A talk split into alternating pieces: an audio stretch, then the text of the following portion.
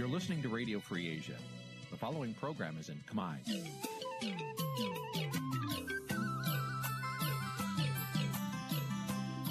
នេះជាកម្មវិធីផ្សាយ Vuthu Azizi Serai នេះជាកម្មវិធីផ្សាយរបស់ Vuthu Azizi Serai ជាភាសាខ្មែរ Vuthu Azizi Serai សូមស្វាគមន៍លោកអ្នកនាងទាំងអស់ពីរដ្ឋធានី Washington នៃសហរដ្ឋអាមេរិក ចាប់ផ្សាយផ្ទាល់ពីរដ្ឋធានី Washington នាងខ្ញុំសុកជីវីសូមជម្រាបសួរលោកអ្នកនាងកញ្ញាដែលកំពុងតាមដានការផ្សាយរបស់ Vuthu Azizi Serai ទាំងអស់ជាទីមេត្រីចា៎យើងខ្ញុំសូមជូនកម្មវិធីផ្សាយសម្រាប់យប់ថ្ងៃអាទិត្យ10កើតខែកដិកឆ្នាំឆ្លូវត្រីស័កពុរសករាជ2565ចាប់ត្រូវនៅថ្ងៃទី14ខែវិច្ឆិកាគ្រិស្តសករាជ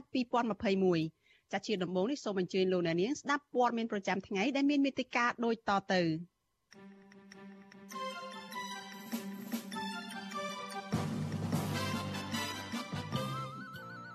ទណ្ឌកម្មអាមេរិកទំនងគេធ្វើឲ្យប៉ះពាល់ទៅដល់ទំនាក់ទំនងផ្ទៃក្នុងបកកាន់អំណាចគណៈបកភ្លើងទៀននៅខេត្តកំពង់ធំចាប់ផ្ដើមប្រមូលអ្នកគាំទ្រគណៈគណៈបកផ្សេងទៀតបង្កើនការពង្រឹងចុះមូលដ្ឋានប្រពន្ធសកម្មជនបកប្រឆាំងទទូចឲ្យតុលាការដោះលែងប្តីពីពន្ធនាគារ អ្នកលក់តាមដងផ្លូវស្នើរដ្ឋាភិបាលទទួលស្គាល់និងបញ្ចូលពួកគេទៅក្នុងប្រព័ន្ធវេលាជាតិរបបសន្តិសុខសង្គមរួមនឹងព័ត៌មានសំខាន់ៗមួយចំនួនទៀត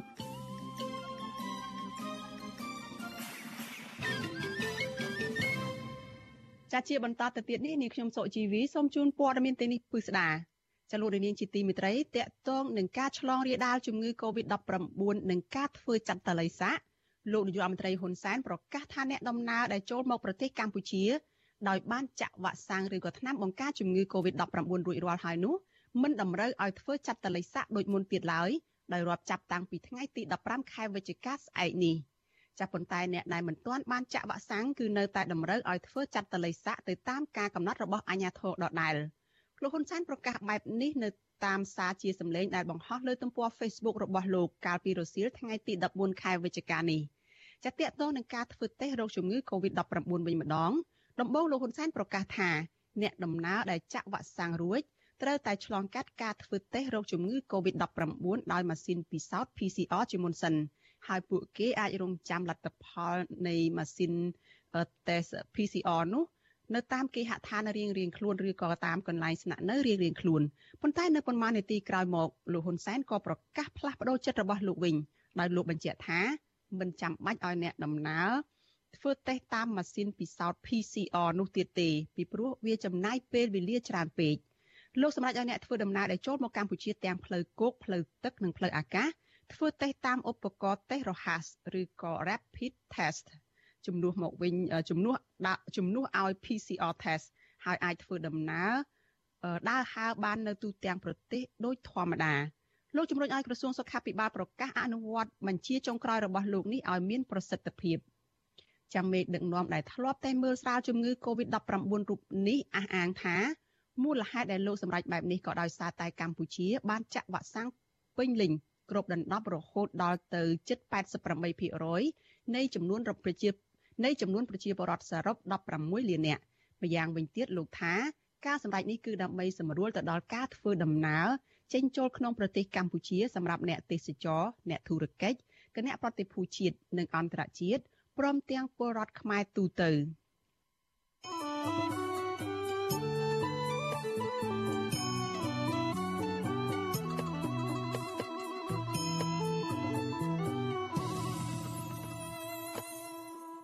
ចាលោកនាងជាទីមេត្រីនៅក្នុងរឿងការឆ្លងរាលដាលជំងឺ Covid-19 ដដែលនេះចាករណីអ្នកដែលស្លាប់ដោយសារជំងឺ Covid-19 នោះគឺបានកើនឡើងដល់ជាង2867អ្នកហើយក្រោយដែលមានអ្នកជំងឺចំនួន6អ្នកទៀតបានស្លាប់ក្នុងនោះគឺមាន4អ្នកគឺជាអ្នកដែលមិនបានចាក់ថ្នាំបង្ការឬក៏វ៉ាក់សាំងការពារជំងឺ Covid-19 ចាចំណែកករណីឆ្លងថ្មីវិញ ក្រសួងសុខាភិបាលប្រកាសថាមាន55នាក់ដែលជាលទ្ធផលបញ្ជាក់ដោយម៉ាស៊ីនពិសោធន៍ PCR ចាទោះជាយ៉ាងណាតួលេខនេះមិនបានរាប់បញ្ចូលលទ្ធផលដែលពិនិត្យតាមឧបករណ៍តេស្តរហ័សឬក៏ Rapid Test នោះទេចាគិតត្រឹមព្រឹកថ្ងៃទី14ខែវិច្ឆិកាកម្ពុជាមានអ្នកកើតជំងឺ Covid-19 សរុប120,000នាក់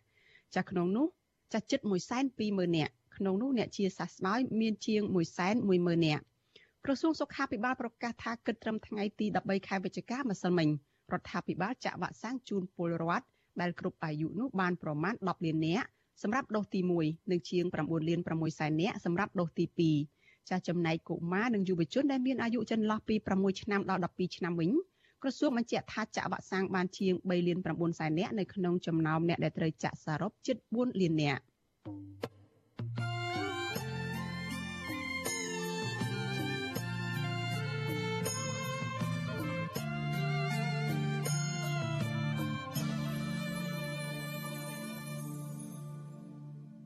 ចាលោកនាងជាទីមេត្រីចាលោកអ្នកកំពុងតាមដានការផ្សាយរបស់ Vithu Azizi សេរីចាប់ផ្សាយចេញពីរដ្ឋធានី Washington សហរដ្ឋអាមេរិកសេចក្តីរាយការណ៍តាក់ទងនឹងស្ថានភាពនយោបាយក្នុងស្រុកឯនេះវិញជាគណៈបកភ្លើងទៀននៅឯខេត្តកំពង់ធំចាប់ផ្ដើមប្រមូលសមាជិកមូលដ្ឋានរបស់ខ្លួនឡើងវិញហើយក្រោយផ្អាកសកម្មភាព4ឆ្នាំចុងក្រោយនេះជាមួយគ្នានេះគណៈបកនយោបាយផ្សេងទៀតក៏កំពុងតែបង្កើនការចុះពង្រឹងតាមមូលដ្ឋានដែរ ក្រោយពេលដែលលោកនាយរដ្ឋមន្ត្រីហ៊ុនសែនប្រកាសឲ្យមានការជួបជុំគ្នាឡើងវិញចាលោកនាងនឹងបានស្ដាប់សេចក្តីរាយការណ៍នេះនៅក្នុងការផ្សាយរបស់យើងនៅពេលបន្តិចទៀតនេះ។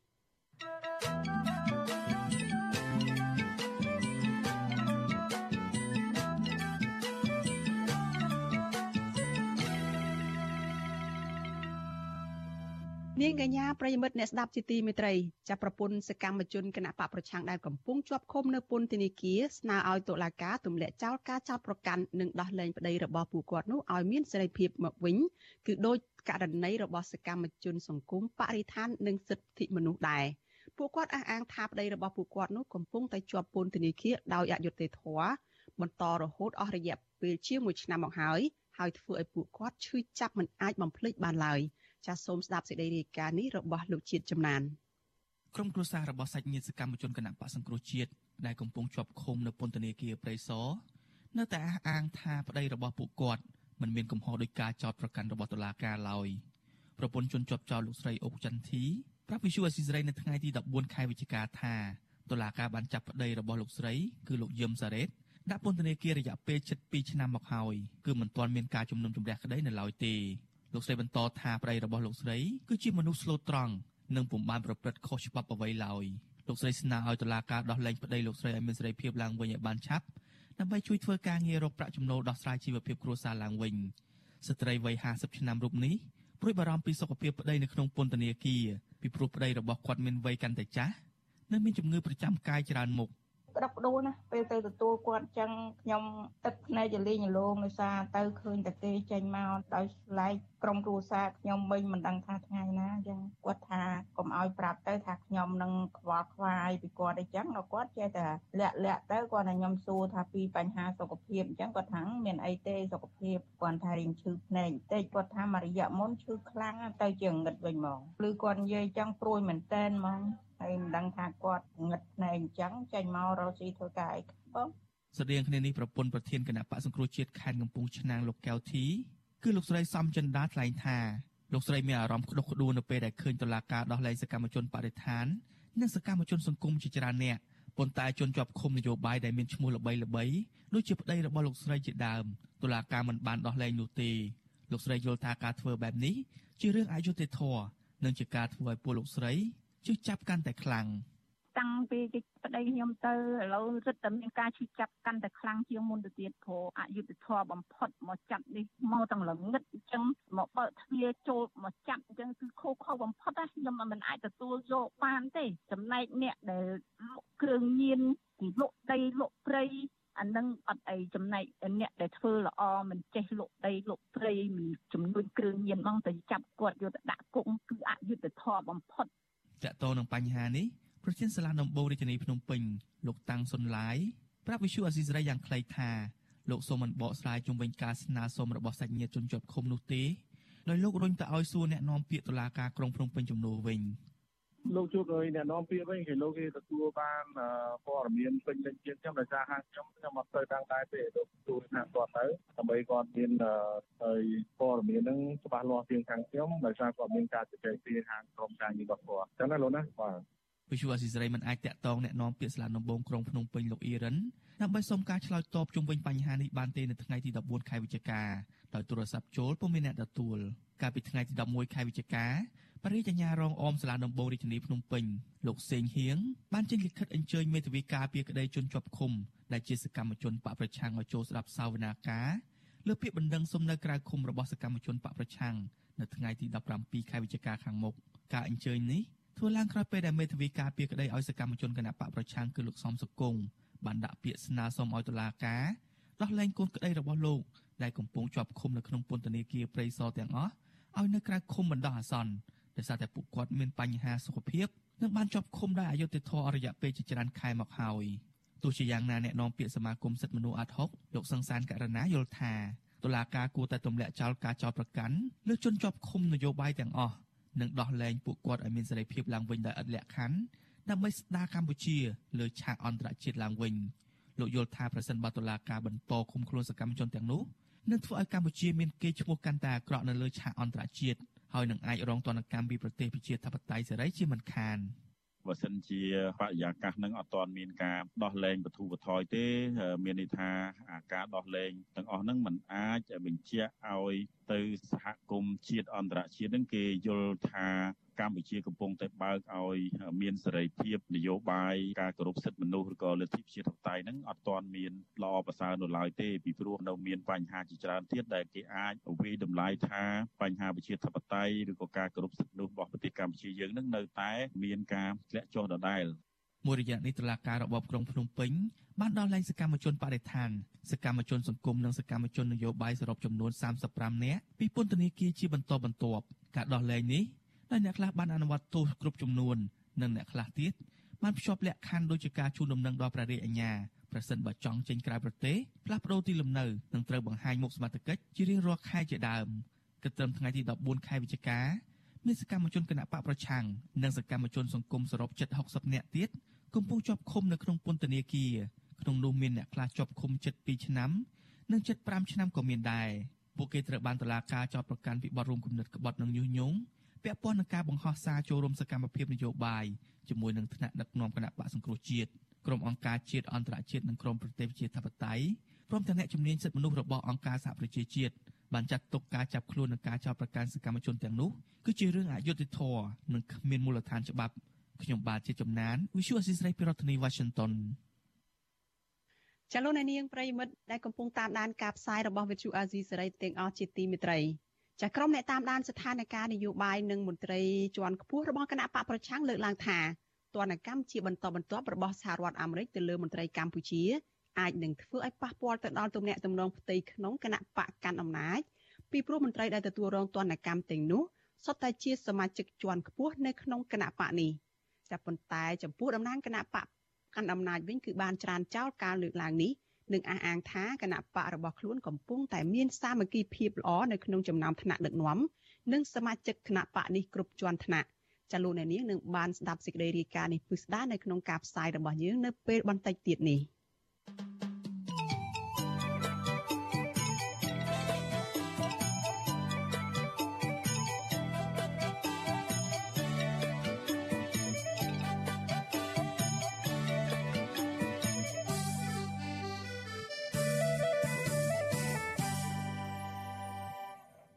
ចាលោកនាងកញ្ញាជាទីមេត្រីតកតងនឹងការត្រៀមខ្លួនរបស់គណៈបកនយោបាយដើម្បីចូលរួមការបោះឆ្នោតនៅក្នុងឆ្នាំ2022និង2023ខាងមុខនេះគណៈបកភ្លើងទៀននៅឯខេត្តកំពង់ធំចាប់ផ្ដើមប្រមូលសមាជិកមូលដ្ឋានរបស់ខ្លួនឡើងវិញហើយក្រោយបានផ្អាកសកម្មភាព4ឆ្នាំចុងក្រោយនេះជាមួយគ្នានេះគណៈបកនយោបាយផ្សេងទៀតក៏កំពុងបង្កើនការចុះពង្រឹងនៅតាមមូលដ្ឋានផងដែរក្រោយពេលដែលលោកយមត្រីហ៊ុនសែន ប្រកាសឲ្យមានការជួបជុំគ្នាឡើងវិញចាប់ពីរដ្ឋធានី Washington លោកមួងណារ៉េតមានសេចក្តីរាយការណ៍អំពីរឿងនេះការប្រមូលសមាជិកអ្នកនយោបាយមូលដ្ឋាននៃអតីតគណៈបកសំរងស៊ីនិងគណៈបកសង្គ្រោះជាតិឲ្យមកចូលរួមនៅក្នុងគណៈបកភ្លើងទៀនវិញគឺដើម្បីចូលរួមប្រគល់ប្រជែងការបោះឆ្នោតក្រុមប្រឹក្សាឃុំសង្កាត់ឆ្នាំ2022និងការបោះឆ្នោតជាតិឆ្នាំ2023តំណាងគណៈបកភ្លើងទៀនប្រចាំខេត្តកំពង់ធំលោកថោងវិបុលសុខុម ឲ្យដឹងថាគណៈបកនេះបានជួបជុំគ្នាជាង100នាក់ជាលើកដំបូងឡើងវិញនៅថ្ងៃទី14ខែវិច្ឆិកាក្នុងទិសដៅប្រមូលអ្នកគាំទ្រនៅខេត្តកំពង់ធំដែលបែកខ្ញែកគ្នាទាំងអស់ឬអ្នកដែលទៅជ្រកក្នុងគណៈបកផ្សេងឲ្យមករួបរวมគ្នានៅក្នុងគណៈបកភ្លើងទៀនវិញលោកជឿជាក់ថាក្រោយពេលដែលរៀបចំរចនាសម្ព័ន្ធរួចគណៈបកភ្លើងទៀននៅខេត្តកំពង់ធំនឹងរឹងមាំហើយទទួលបានការគាំទ្រច្រើនព្រោះគណៈបកនេះមានសមាជិកនៅក្នុងមូលដ្ឋានស្រាប់ លោកថោងវិបុលសុខុមក៏ស្វាគមន៍ចំពោះអ្នកនយោបាយនៃគណៈបកផ្សេងមកចូលរួមដែរហើយលោកនៅតែអំពាវនាវឲ្យតុលាការដោះលែងអ្នកនយោបាយទាំងអស់ដើម្បីឲ្យពួកគាត់បានមកចូលរួមធ្វើនយោបាយឡើងវិញតែឥឡូវនេះខ្ញុំចាប់ផ្ដើមពីតូនទៅខ្ញុំអត់ទាន់សន្និដ្ឋានបានទេប៉ុន្តែកម្លាំងខ្ញុំរឹងមាំនៅមូលដ្ឋានគឺប្រជាពលរដ្ឋរងចាំតែពួកខ្ញុំទៅឈរឈ្មោះដើម្បីកាត់ផ្ដល់សេចក្តីទឹកចិត្តនិងផ្ញើវាសនាមកលើគណៈបកជនជាតិហ្នឹងណា គណៈបកភ្លើងទៀនមានឈ្មោះដើមថាជាគណៈបកសំរងស៊ីគណៈបកនេះបានបដូរឈ្មោះតាមរូបសញ្ញាភ្លើងទៀនឡើងវិញកាលពីពាក់កណ្ដាលឆ្នាំ2017ឲ្យស្របតាមវិសោធនកម្មច្បាប់ស្តីពីគណៈបកនយោបាយនៅពេលនោះ។ ហើយ4ឆ្នាំមកនេះគណៈបកភ្លើងទៀនបានផ្អាកសកម្មភាពទាំងស្រុងនិងធ្វើពហិការឬក៏មិនចូលរួមរាល់សកម្មភាពបោះឆ្នោតព្រោះមិនពេញចិត្តនឹងការរំលាយគណៈបកសង្គ្រោះជាតិកាលពីចុងឆ្នាំ2017ទីស្នាក់ការគណៈបកភ្លើងទៀននេះទៀតសោតក៏រងការបិទគប់មិនឲ្យចូលដែរជាច្រើនឆ្នាំមកហើយដោយសារតែវាស្ថិតនៅជាន់ផ្ទាល់ដីនៃអគារគណៈបកសង្គ្រោះជាតិនៅក្នុងសង្កាត់ចាក់អង្រែលើខណ្ឌមានជ័យអ្នកនាំពាក្យគណៈបកភ្លើងទៀនលោកថៃសិដ្ឋាបានស្នើសុំឲ្យតុលាការដកបំរាមដែលហាមឃាត់ការចូលទៅទីស្នាក់ការគណៈបកភ្លើងទៀនដើម្បីពួកគាត់អាចចូលធ្វើការវិញបានបើទោះបីជាយ៉ាងនេះក្តីលោកបញ្ជាក់ប្រាប់វិទ្យុអាស៊ីសេរីនៅថ្ងៃទី14ខែវិច្ឆិកាថាគណៈបកភ្លើងទៀននឹងនៅតែបន្តធ្វើនយោបាយក្នុងនាមគណៈបកប្រឆាំងហើយសកម្មភាពនេះនឹងមិនប៉ះពាល់ដល់គណៈបកណាមួយឡើយគណៈបកនេះក៏នឹងបន្តការជួបជុំប្រមូលសមាជិកបន្តទៅទៀតនៅក្នុងខេត្តសៀមរាបនៅថ្ងៃទី15ខែវិច្ឆិកា ក្រៅពីនេះគណៈបកមួយចំនួនទៀតក៏ចាប់ផ្ដើមសកម្មភាពចោះជួបសមាជិកខ្លួនវិញដែរក្រោយពេលលោកនាយរដ្ឋមន្ត្រីហ៊ុនសែនប្រកាសឲ្យជួបជុំសកម្មភាពនយោបាយឡើងវិញគណៈបកប្រជាធិបតេយ្យមូលដ្ឋានវិញគណៈបកនេះបានចោះជួបសមាជិកនៃអ្នកគាំទ្រនៅខេត្តកំពង់ធំដែរនៅថ្ងៃទី14ខែវិច្ឆិកា ណែនាំពាក្យគណៈបកនេះគឺលោកលក្ខសុធាសង្កេតឃើញថាបើទោះបីជារដ្ឋាភិបាលប្រកាសឲ្យបើកជួបជុំគ្នាវិញមែនតែអាជ្ញាធរនៅតែបន្តការតាមដាននិងឃ្លាំមើលសកម្មភាពជួបជុំគ្នារបស់គណៈបកតាមមូលដ្ឋានចំណែកឯគណៈបកខ្មែរឈ្នះវិញគណៈបកនេះមិនទាន់គិតគូរដល់ការចុះមូលដ្ឋាននោះទេព្រោះត្រូវរៀបចំសមាជបកនៅសប្តាហ៍ក្រោយដើម្បីតែងតាំងលោកសួងសុភ័ណ្ឌដែលទើបត្រូវបានដោះលែងពីពន្ធនាគារ ឲ្យដឹកនាំគណៈបកនេះជាបន្តលោកសួងសុភ័ណ្ឌអះអាងថាគណៈបកខ្មែរឈ្នះនឹងចូលរួមទាំងសកម្មភាពនយោបាយនិងសង្គមដើម្បីទាមទារផលប្រយោជន៍ជូនប្រជាពលរដ្ឋ រីឯគណៈបកកណ្ដាលអំណាចវិញគណៈបកនេះក៏តែងតែចុះជួបសមាជិកនិងអ្នកគាំទ្រដែរអ្នកនាំពាក្យគណៈបកប្រជាជនកម្ពុជាលោកសុកអេសានយល់ថាការធ្វើសកម្មភាពទាំងឡាយជាសិទ្ធិស្របច្បាប់របស់គណៈបកនយោបាយដែលមានឈ្មោះនៅក្នុងបញ្ជីក្រសួងមហាផ្ទៃហើយសកម្មភាពទាំងអស់នោះនឹងមិនប៉ះពាល់ដល់ប្រជាប្រិយរបស់គណៈបកកណ្ដាលអំណាចនោះឡើយ។ ជាសិទ្ធិរបស់គណៈបកផ្សេងដែលគាត់មានច្បាប់អនុញ្ញាតហើយគឺគាត់អាចធ្វើសកម្មភាពបានដោយសេរីហើយហើយតែគាត់នៅក្នុងក្របខ័ណ្ឌការណែនាំរបស់រាជរដ្ឋាភិបាលក្នុងវិធានការសុខាភិបាលដើម្បីការពារកុំឲ្យឆ្លោះឆ្លូលមានការឆ្លងរាតត្បាតនៃជំងឺ Covid-19 នឹងឯងអ្នកខ្លាំមើលសង្គមយល់ស្របនឹងការលើកឡើងរបស់គណៈបកកណ្ដាលអំណាច អ្នកសិក្សាផ្នែកច្បាប់លោកវ៉ាន់ចាន់ឡូតយល់ថាបើទោះបីជារដ្ឋាភិបាលបើកឲ្យមានការជួបជុំនិងមានវត្តមានគណៈបកភ្លើងទៀនចូលរួមឆាកនយោបាយវិញក៏ដោយក៏នៅតែមិនអាចប្រកួតជាមួយនឹងគណៈបកកាន់អំណាចបានដែរ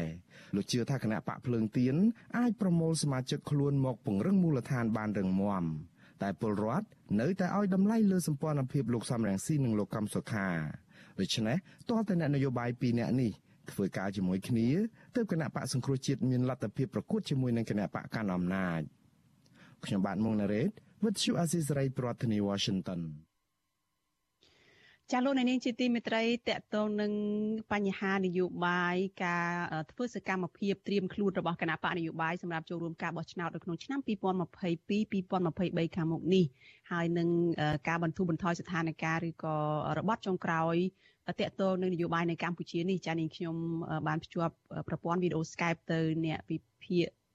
នយោបាយនិងសង្គមគឺលោកកឹមសុខចាដែលលោកនឹងចូលមកជជែកនៅក្នុងកម្មវិធីនេះបន្ថែមទៀតអំពីស្ថានភាពពាក់ព័ន្ធនឹងនយោបាយនៅកម្ពុជានៅពេលនេះចាជំរាបសួរលោកកឹមសុខពីចម្ងាយចាបាទសូមលោកស្រីជីវីបាទចា លោកកឹមសុខតើជាទូទៅលោកសង្កេតឃើញយ៉ាងម៉េចនៅពេលដែលខាងគណៈបកនយោបាយមួយចំនួនក្រៅតែពីគណៈបកដែលត្រូវរំលាយចោលនោះមានគណៈបកទុយទុយបង្កើតថ្មីហើយក៏មានគណៈបកដែលជាអតីតគណៈបករួមបញ្ចូលគ្នាជាមួយនឹងគណៈបកសិទ្ធិមនុស្សដើម្បីបង្កើតទៅជាគណៈបកសង្គ្រោះជាតិអីហ្នឹង ចាប់ផ្ដើមមានសកម្មភាពឡើងវិញហើយក៏មានការចុះពង្រឹងមូលដ្ឋានអីនៅពេលដែលមានបើកឲ្យមានការជួបជុំគ្នាក្រោយដែលបានចាក់វ៉ាក់សាំងភាគច្រើនការពារជំងឺ Covid-19 នឹងចាស់តើលោកយមមើលឃើញយ៉ាងម៉េចចាស់ជាទូទៅទីមួយខ្ញុំមិនទាស់នឹងការប្រើសិទ្ធិក្នុងការបង្កើតគណៈបកនយោបាយថ្មីថ្មីទេ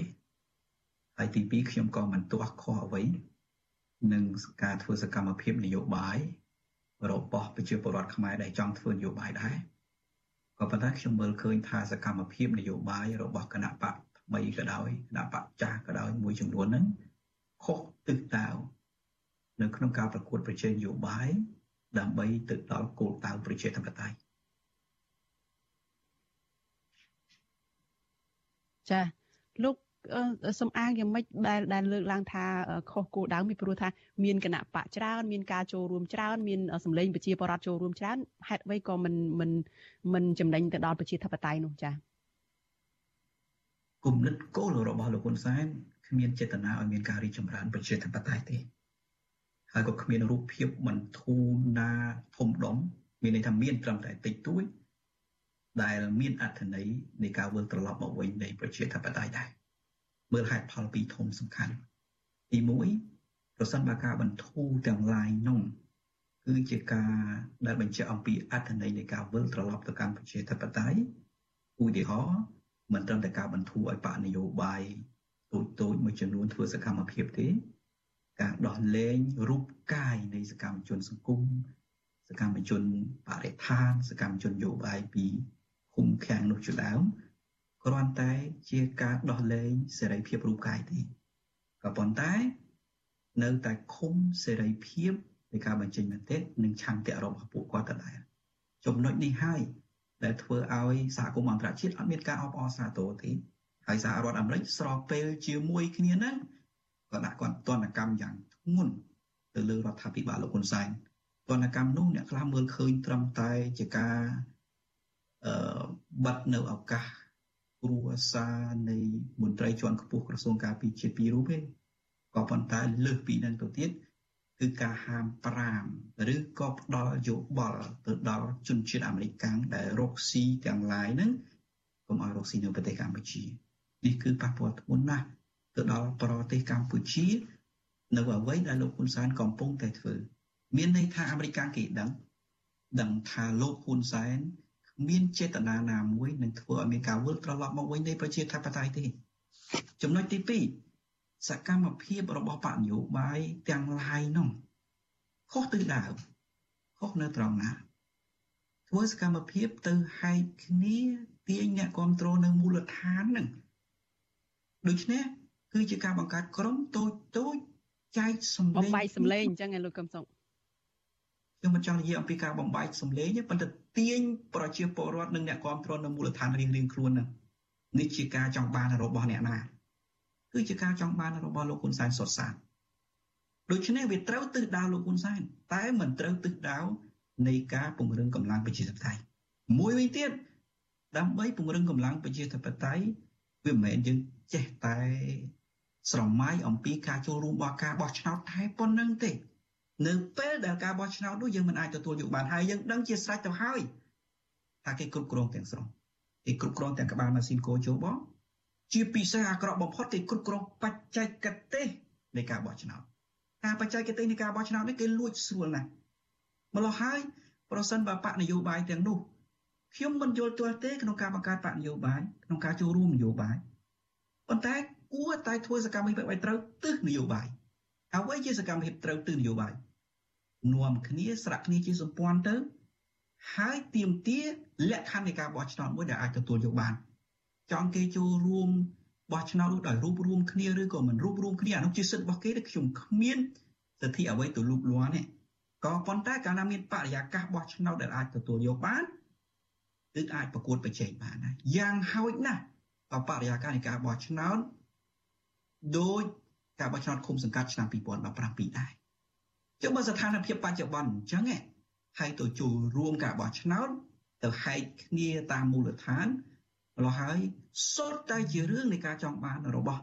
លោកហ៊ុនសែនសុទ្ធសាធហើយមែនទែនទៅគឺជាការលំអអំណាចពីមិនពេញច្បាប់មិនពេញសិទ្ធិក្នុងការដឹកនាំប្រទេសរបស់លោកហ៊ុនសែនទៅឲ្យលោកហ៊ុនសែនពេញសិទ្ធិពេញច្បាប់បណ្ដាបណ្ដានឹងបន្តិចម្ដងបន្តិចម្ដងនៅថ្ងៃក្រោយ ចាលោកកឹមសុខពីរឿងការរួបរួមគ្នាជាសម្លេងតែមួយអីនេះមានបទពិសោធន៍នៃគណៈបកសង្គ្រោះជាតិឃើញថាមានការរួបរួមសម្លេងគ្នាអីហ្នឹងគឺមានការគ្រប់គ្រងពីប្រជាពលរដ្ឋពេលហ្នឹងក៏មានលទ្ធផលនៃការចរចាបង្កើតទៅជា គណៈកម្មាធិការជាតិរៀបចំការបោះឆ្នោតអីដែលមានសម្លេងពីខាងគណៈបកប្រឆាំងពីគណៈបកកណ្ដាលអំណាចពី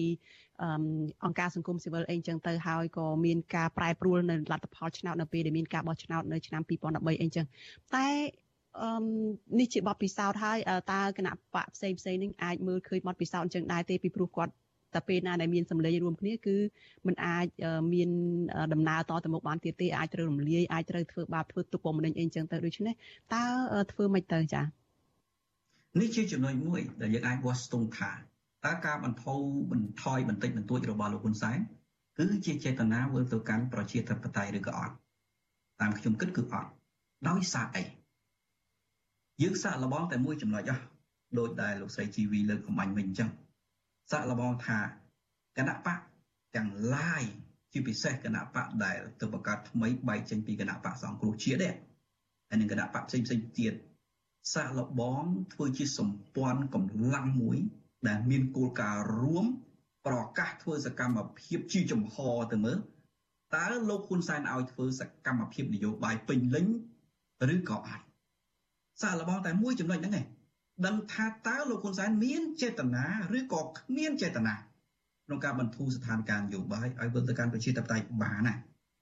ចំណុចទី1ចំណុចទី2បងស្រីជីវីលើកមិនខុសទេ វាមានអរិភាពភាពជូរចត់ក្នុងការរួបរวมគ្នាកន្លងមកយ៉ាងសមានចិត្តនៃការរួបរวมគ្នារបស់អ្នករួបរวม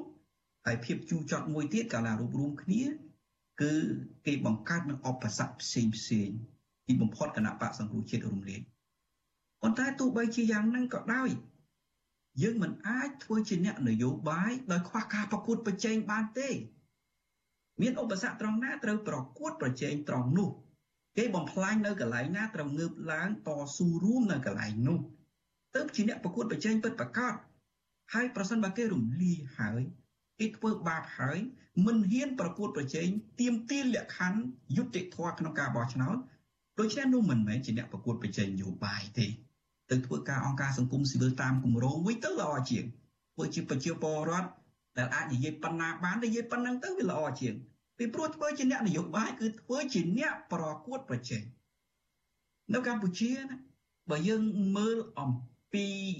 លទ្ធិប្រជាធិបតេយ្យបងឯកនៃលទ្ធិប្រជាធិបតេយ្យបច្ចុប្បន្នមានមុំចង្ក្រានធំ3មិនមែនរដ្ឋាភិបាលទេ មែនទែនទៅគឺរដ្ឋាភិបាលជាបង្អែកធំនៃមុំចង្ក្រានប្រជាធិបតេយ្យក៏ប៉ុន្តែស្ថានភាពកម្ពុជាមិនអាចរាប់ចូលអង្គការរដ្ឋនិងរដ្ឋាភិបាលទេ មានតែ3ទេទី1គឺប្រជាពលរដ្ឋសកម្មជនសង្គមសកម្មជនអឺប្រជាធិបតេយ្យនិងសង្គមស៊ីវិលមុំមួយមុំចង្ក្រានមួយទៀតគឺអ្នកនយោបាយដែលប្រកួតប្រជែងហើយមុំចង្ក្រានមួយទៀតគឺសហគមន៍អន្តរជាតិ ឥឡូវសហគមន៍អន្តរជាតិដូចជាសង្កត់ធ្ងន់ហើយធ្ងន់យកតែមែនតែនដែរណាសហរដ្ឋអាមេរិកគេសង្កត់ដែរហើយប្រជាពលរដ្ឋវិញក៏នៅតែចិញ្ចឹមស្មារតីនិងទឹកចិត្តដូចជាមិនខ្លាចប្រមាណទេក្នុងការចូលរួមអញ្ចឹងនៅត្រង់ចំណុចណានៅត្រង់ចំណុចថាអ្នកប្រជាធិបតេយ្យហ៊ានប្រកួតប្រជែងឬអត់អ្នកនយោបាយនោះហ៊ានប្រកួតប្រជែងឬអត់ប្រកួតប្រជែងនឹងមិនសំដៅទៅលើត្រឹមតែការចូលរួមការបោះឆ្នោតទេ បើគេមិនអោយអ្នកប្រកួតប្រជែងដោយយុត្តិធម៌ក្នុងការបោះឆ្នោតអ្នកត្រូវតែស្វែងរកតវ៉ាជាចំហជាសាធារណៈរកលក្ខខណ្ឌក្នុងការបោះឆ្នោតប្រសិនបើគេមិនអោយអ្នកមានសិទ្ធិក្នុងការចូលរួមបោះឆ្នោតឬមានសិទ្ធិធ្វើនយោបាយសំរចនាសម្ព័ន្ធរបស់អ្នកទូទាំងប្រទេសក្រុមរបស់អ្នករាប់រយអ្នកក្បាលម៉ាស៊ីនហេតុអីមិនរួបរวมគ្នាដើម្បីធ្វើការតវ៉ាជាចំហដើម្បីទាមទារសិទ្ធិហ្នឹង ការធ្វើនយោបាយរងចាំកលៈទេសៈនៃឱកាសដែលគេផ្ដល់ឲ្យគឺជាសុបិននយោបាយដែលអត់បំផុតហើយมันអាចបរោះគួតប្រជែងនឹងពួកជនផ្ដាច់ការបានទេ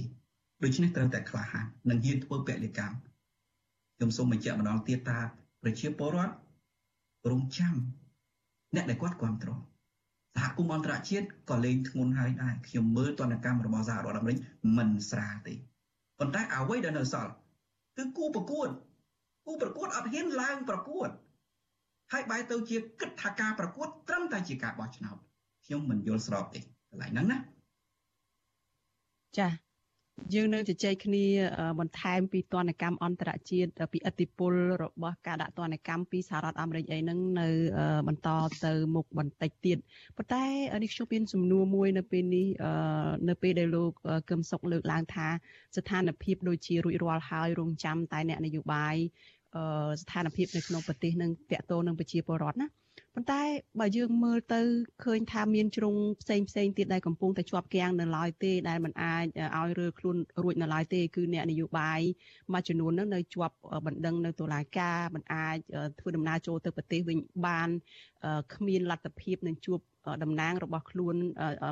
អ្នកគ្រប់គ្រងរបស់ខ្លួនជាប្រជាពលរដ្ឋដើម្បីបំពេញតួនាទីជាតំណាងរបស់ប្រជាពលរដ្ឋនឹងទេ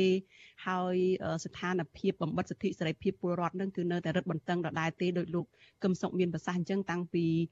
មានការដោះលែងសកម្មជនសង្គមបរិស្ថានអ្នកនយោបាយមួយចំនួនអីមែនប៉ុន្តែដោះលែងតែរូបរាងកាយទេគឺសេរីភាពបញ្ចេញមតិសេរីភាពផ្សេងផ្សេងទៀតរបស់ពួកគាត់ហ្នឹងគឺនៅជាប់ក្នុងឃុំនៅឡើយទេនៅក្នុងការតាមដាននៅឡើយទេ មួយវិញទៀតតកតទៅនឹងប្រព័ន្ធផ្សព្វផ្សាយប្រព័ន្ធផ្សព្វផ្សាយនេះគឺជាចំណុចមួយសំខាន់ដែរនៅក្នុងដំណើរការប្រជាធិបតេយ្យប៉ុន្តែប្រព័ន្ធផ្សព្វផ្សាយមិនទាន់បានត្រឡប់មកក្នុងស្ថានភាពដូចដើមនៅឡើយទេសូម្បីតែអ្នករាយការណ៍របស់អាស៊ីសេរីនឹងក៏មិនអាចទៅយកព័ត៌មានអីបានមានអ្នកដែលកំពុងតែជាប់បណ្ដឹងនៅតុលាការការត្រួតពិនិត្យតាមផ្លូវតុលាការអីចឹងទៅហើយ ក៏មានអ្នកស្ថាប័នព័ត៌មានសំខាន់សំខាន់ហ្នឹងมันអាចដំណើរការខ្លួនបានស្រួលទេដូចជា Cambodia Daily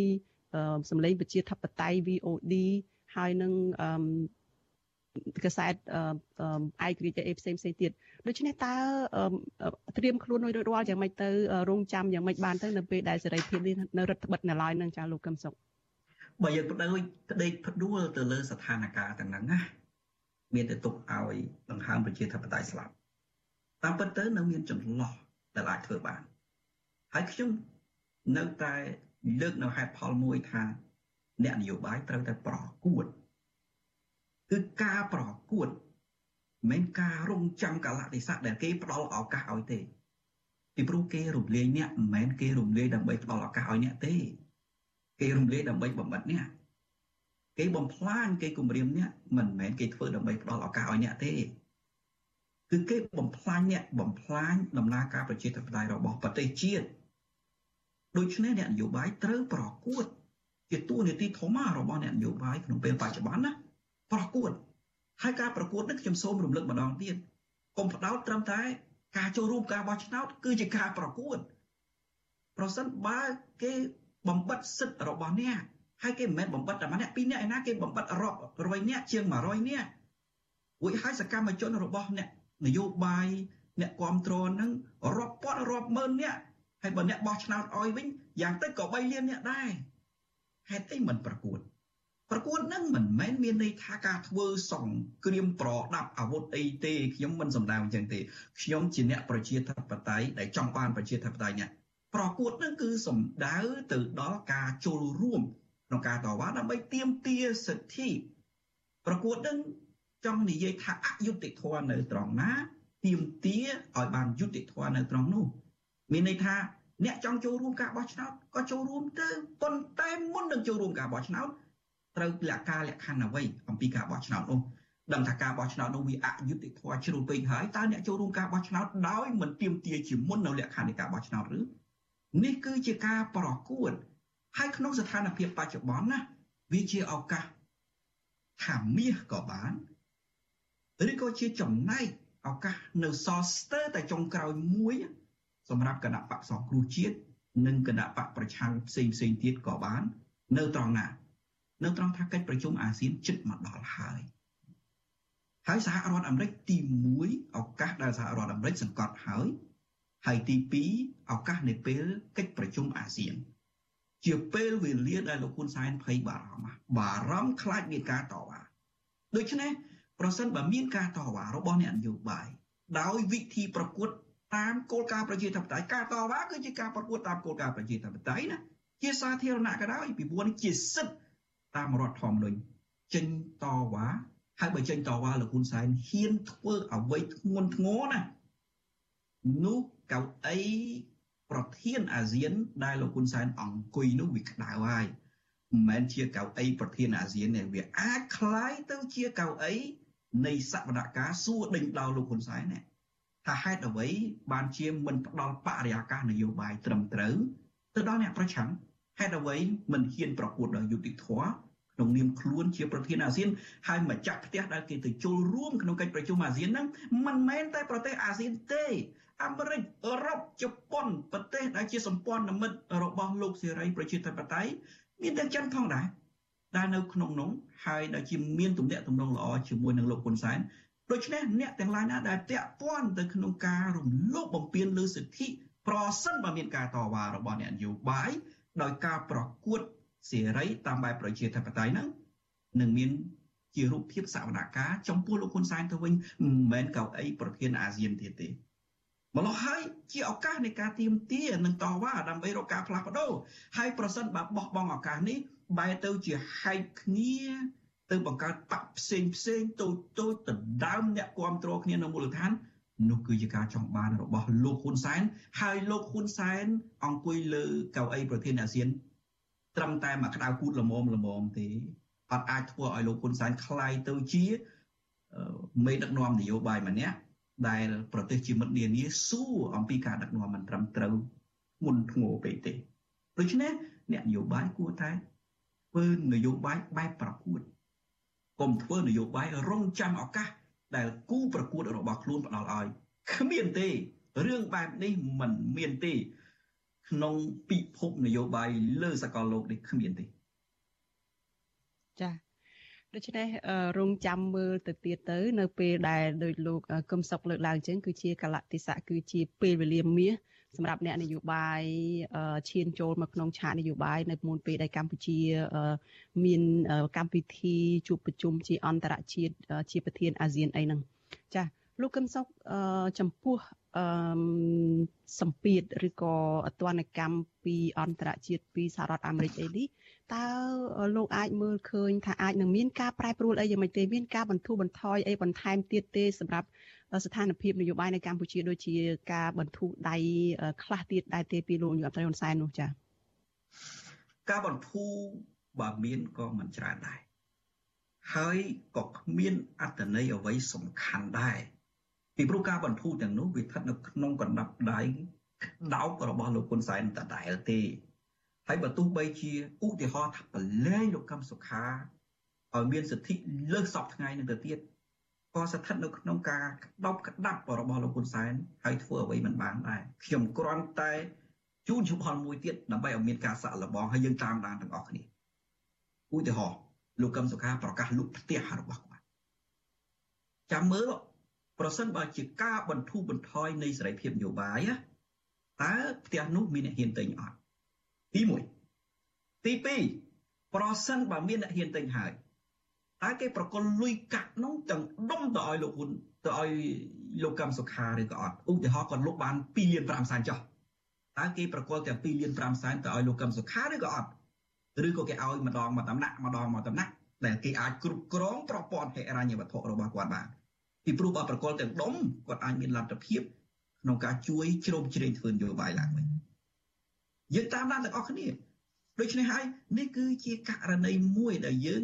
គួរសាកល្បងពិនិត្យមើលថាស្ថានភាពនយោបាយមិនមែនដូចយើងគិតថាគេនឹងបធូរតាមដែលយើងគិតនោះទេទី2សហគមន៍អន្តរជាតិបើទោះបីជាមានសម្ពាធរបស់សហរដ្ឋអាមេរិកធ្ងន់ធ្ងរក៏ដោយមុនធ្ងរប៉ុណ្ណឹងក៏ដោយក៏លោកហ៊ុនសែនមិនងាយនឹងវិលទៅកាន់ស្ថានភាពនៃការចរចាដែរគ្មានការចរចាណាមួយធំដុំទេអត់មានទេមូលហេតុអី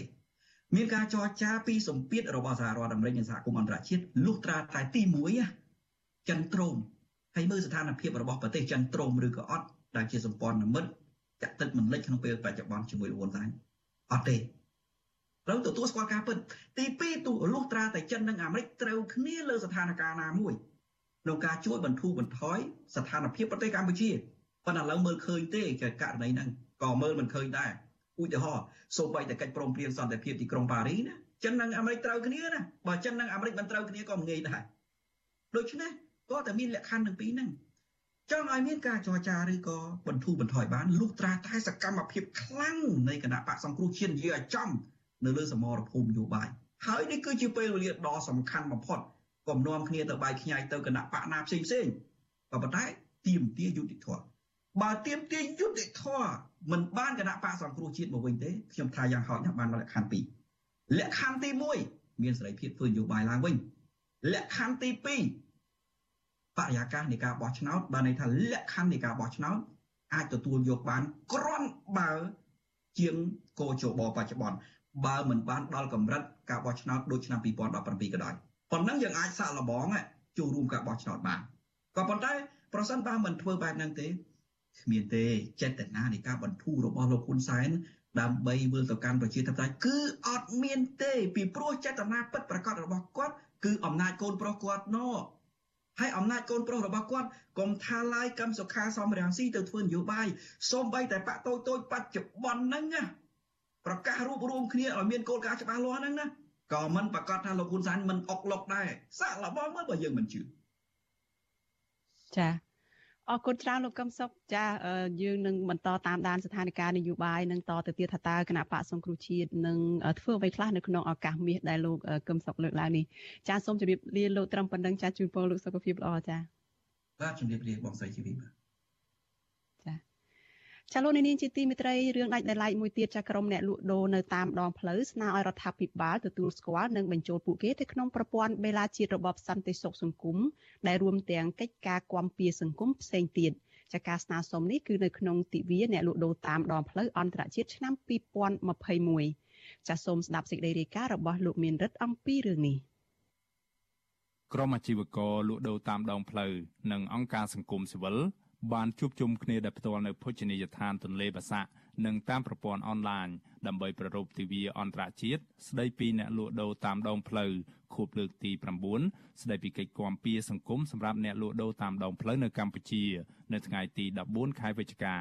វេទិកានេះបានផ្ដល់ឱកាសឲ្យពួកគេស្វែងយល់អំពីគោលនយោបាយជាតិច្បាប់កម្មវិធី និងកិច្ចខិតខំប្រឹងប្រែងនានាដើម្បីឆ្លើយតបទៅនឹងតម្រូវការរបស់អ្នកលក់ដូរតាមដងផ្លូវ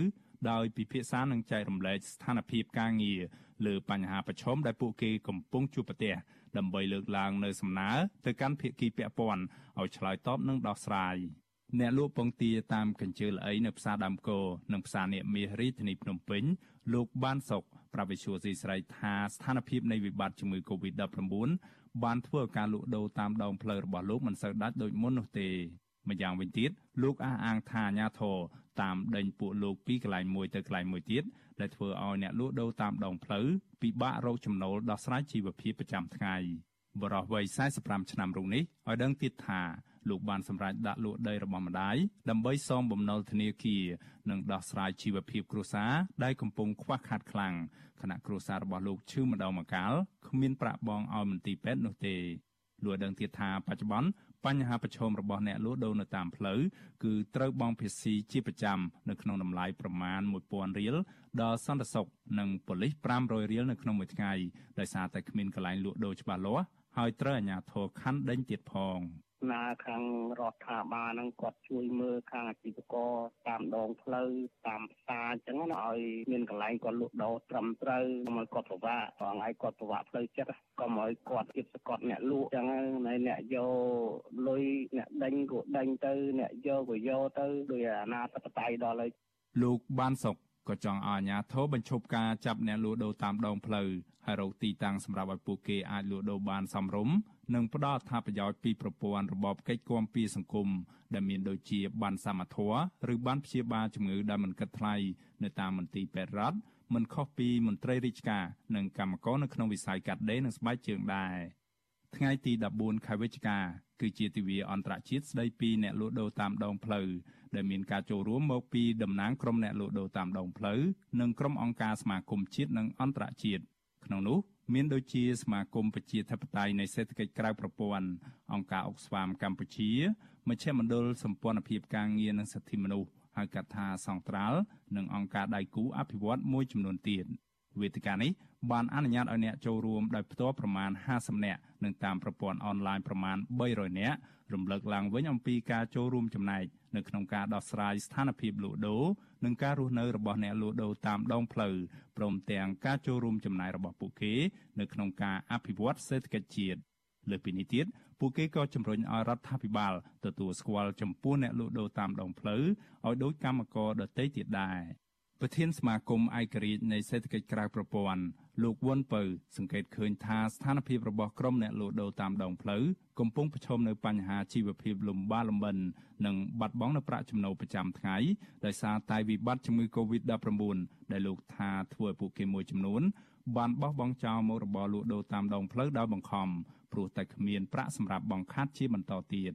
លោកជំរុញឲ្យក្រសួងកាងារទទួលស្គាល់និងបញ្ចូលអ្នកលក់ដូរតាមដងផ្លូវ ព្រមទាំងកម្មករក្រៅប្រព័ន្ធទាំងអស់ទៅក្នុងប្រព័ន្ធបេឡាជាតិនៃរបបសន្តិសុខសង្គមដើម្បីឲ្យរដ្ឋជួយលើកស្ទួយជីវភាពរបស់ពួកគាត់នៅក្នុងអំឡុងពេលប្រឈមទៅនឹងការលំបាកទាំងនេះឯកទេសក្រៅប្រព័ន្ធហ្នឹងគឺចង់ឲ្យរដ្ឋឆ្លើយតបឲ្យទាន់ពេលវេលាទាក់ទងទៅនឹងការធ្វើបានបសសតាមរយៈបេឡាជាតិសន្តិសុខសង្គមហ្នឹងទី2គឺត្រូវឆ្លើយតបបន្ទាន់នោះគឺត្រូវជួយគាត់ គ្រូគាត់ក្នុងស្ថានភាពពេលនេះគឺគាត់បាត់ប្រាក់ចំណូលស្ថានភាពជីវភាពកំពុងតែខ្វះខាតហើយរដ្ឋត្រូវស្ដារឡើងវិញនៅការដួលរលំនៃមុខរបរនៅអាជីវកម្មរបស់គាត់រដ្ឋអាចផ្ដល់ជាហិរញ្ញប្បទានដែលគ្មានការប្រាក់សម្រាប់ជួយគាត់ដើម្បីឲ្យគាត់បើកមុខរបរឡើងវិញនៅក្នុងពេលដែលប្រទេសកម្ពុជាបានបើកទ្វារនេះទិវាអន្តរជាតិនៃអ្នកលក់ដូរតាមដងផ្លូវត្រូវបានបង្កើតដំបូងឡើង នៅឆ្នាំ2012នៅទ្វីបអាហ្វ្រិក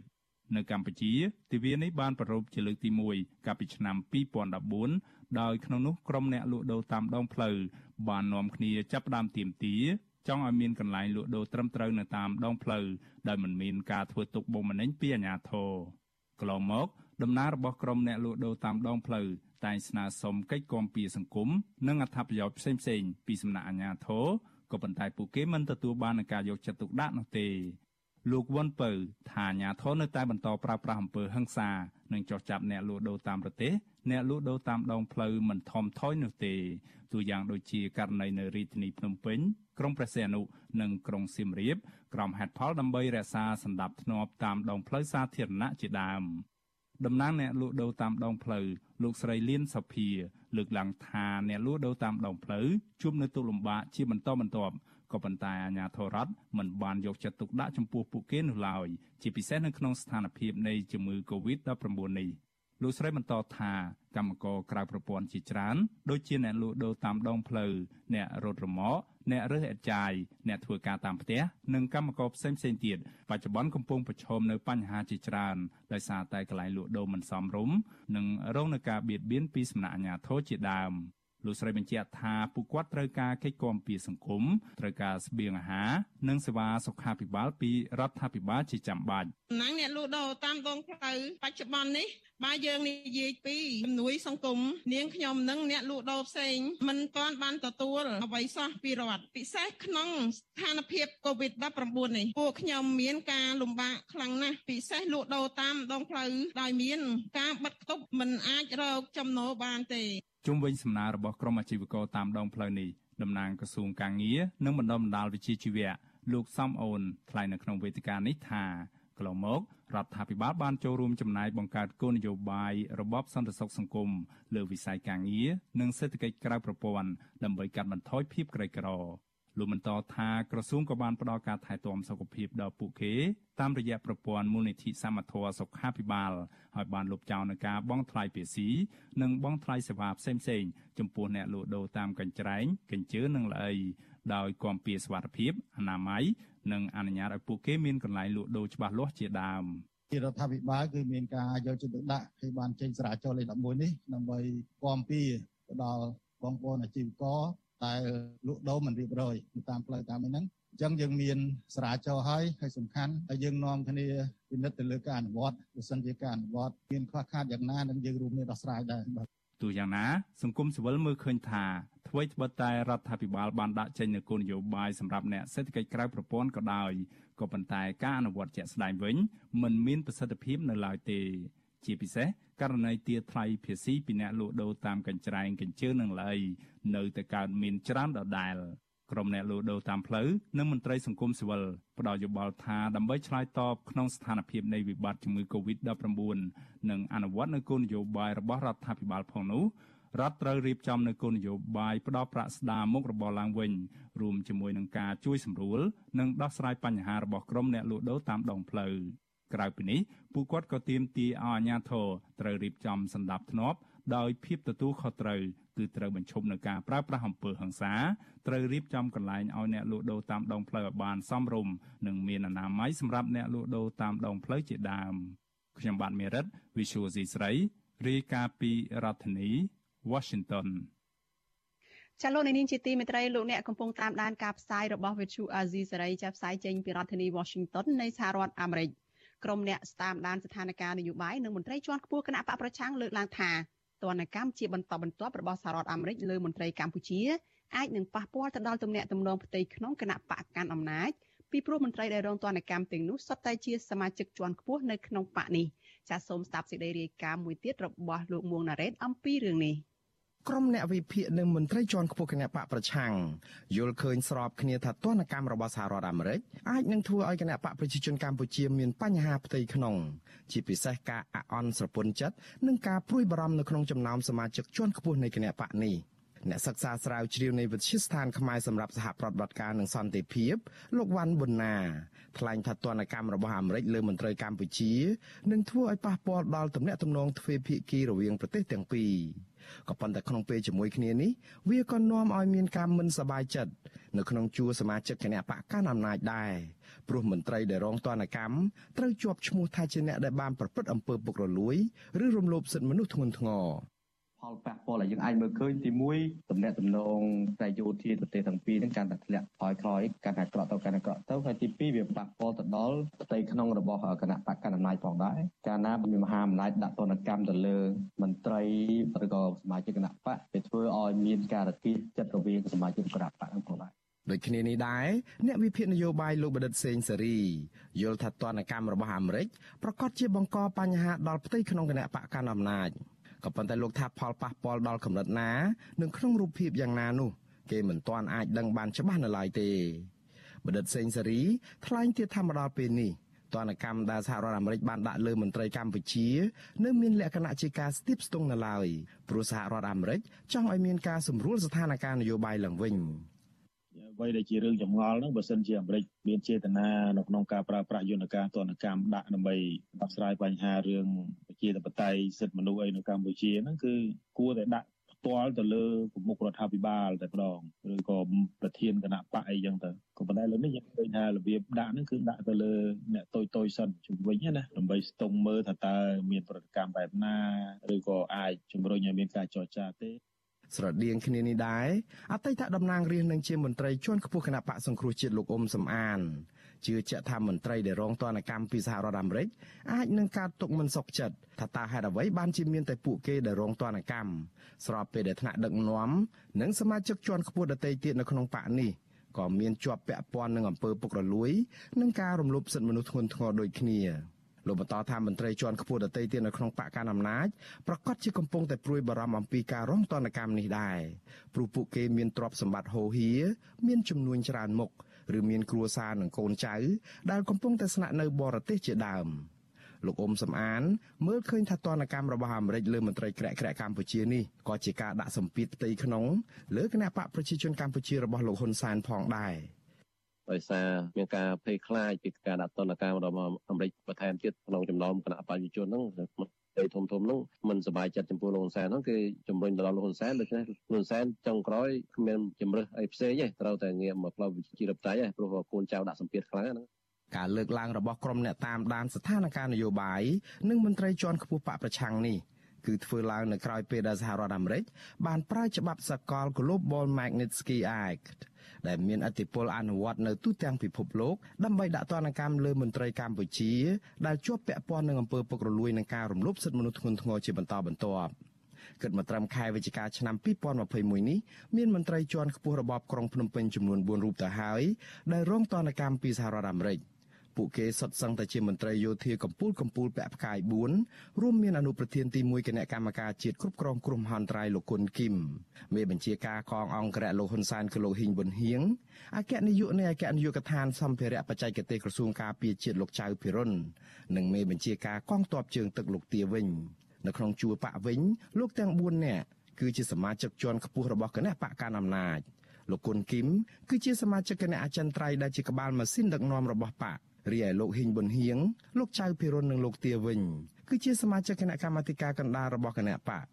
តាមពិតសហរដ្ឋអាមេរិកមិនមែនដាក់ទណ្ឌកម្មទៅលើមន្ត្រីជាន់ខ្ពស់ទាំង4រូបនេះនោះទេក៏ប៉ុន្តែដាក់លើសមាជិកគ្រួសារនិងក្រុមហ៊ុនរបស់ពួកគេផងដែរ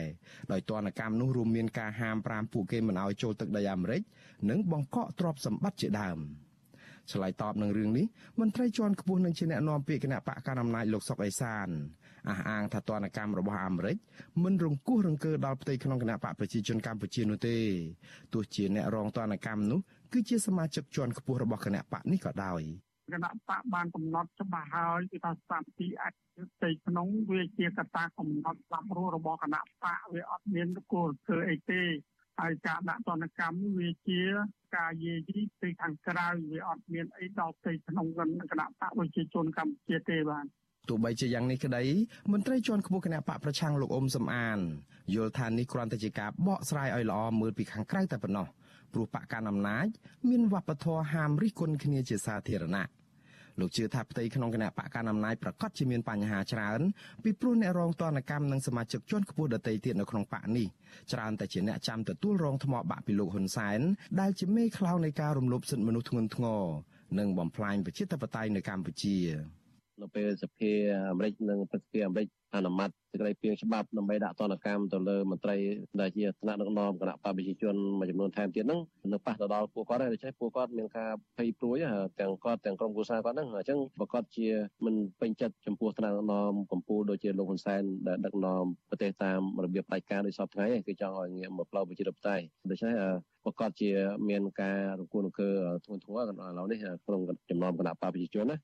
តកតងនឹងរឿងទណ្ឌកម្មនេះក្រុមអ្នកតាមដានស្ថានភាពនយោបាយនិងគណៈបកប្រឆាំងជឿជាក់ថាសហរដ្ឋអាមេរិកអាចនឹងបន្ធូរដៃវិញខ្លះប្រសិនបើរបបលោកហ៊ុនសែនព្រមស្ដារលទ្ធិប្រជាធិបតេយ្យការគោរពសិទ្ធិប្រជាពលរដ្ឋនិងបញ្ឈប់នយោបាយការបរទេសលំអៀងទៅរកប្រទេសចិនផ្ទុយទៅវិញបើចំណុចទាំងនេះមិនត្រូវបានអនុវត្តទេសហរដ្ឋអាមេរិកអាចនឹងពង្រីកទណ្ឌកម្មបន្ថែមទៀតហើយសូម្បីតែលោកហ៊ុនសែននិងក្រុមគ្រួសារក៏ទំនងជាកិច្ចមិនផុតពីទណ្ឌកម្មទាំងនេះនោះដែរ។ សហរដ្ឋអាមេរិកបានប្រកាសជាចំហនៅពេលថ្មីថ្មីនេះថាអាមេរិកបដិញ្ញាចិត្តចំពោះប្រជាពលរដ្ឋខ្មែរនិងបំណងប្រាថ្នារបស់ពួកគេដើម្បីសុខសន្តិភាព ភាពរុងរឿងប្រជាធិបតេយ្យនិងអនាគតប្រកបដោយសមធម៌ជាមួយគ្នានេះសហរដ្ឋអាមេរិកបដិញ្ញាចំពោះប្រជាពលរដ្ឋខ្មែរនៅក្នុងការជំរុញឲ្យមានការទទួលខុសត្រូវចំពោះសកម្មភាពអូក្រិតការធ្វើជំនួញពុករលួយ និងការរំលោភបំពានផ្នែកសិទ្ធិមនុស្សគ្រប់បែបយ៉ាង ខ្ញុំបាទមុងណារ៉េតវិទ្យុអាស៊ីសេរីប្រធានាធិបតី Washington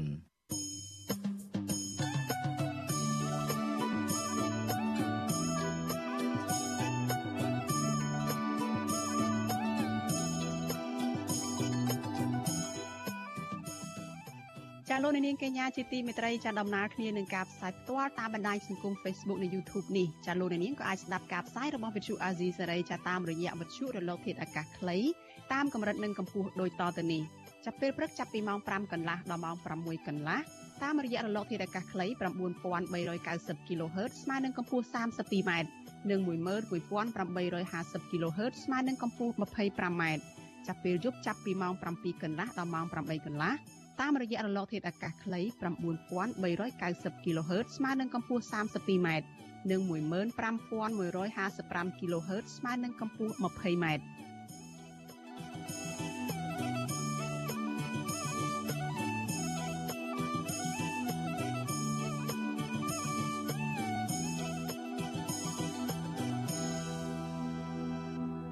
លោកនាងកញ្ញាប្រិយមិត្តជាទីមេត្រីចាការផ្សាយរយៈពេល1ម៉ោងរបស់វិទ្យុអាស៊ីសេរីនៅថ្ងៃនេះចាចប់ត្រឹមតែប៉ុណ្ណេះចានាងខ្ញុំសុជីវីព្រមទាំងក្រុមការងារទាំងអស់នៃវិទ្យុអាស៊ីសេរីចាសូមជូនពរដល់លោកនាងកញ្ញានិងក្រុមគ្រួសារទាំងអស់ឲ្យជួបប្រកបតែនឹងសេចក្តីសុខចាចម្រើនរុងរឿងកុំបីឃ្លៀងឃ្លាតឡើយចានាងខ្ញុំសូមអរគុណនិងសូមជម្រាបលា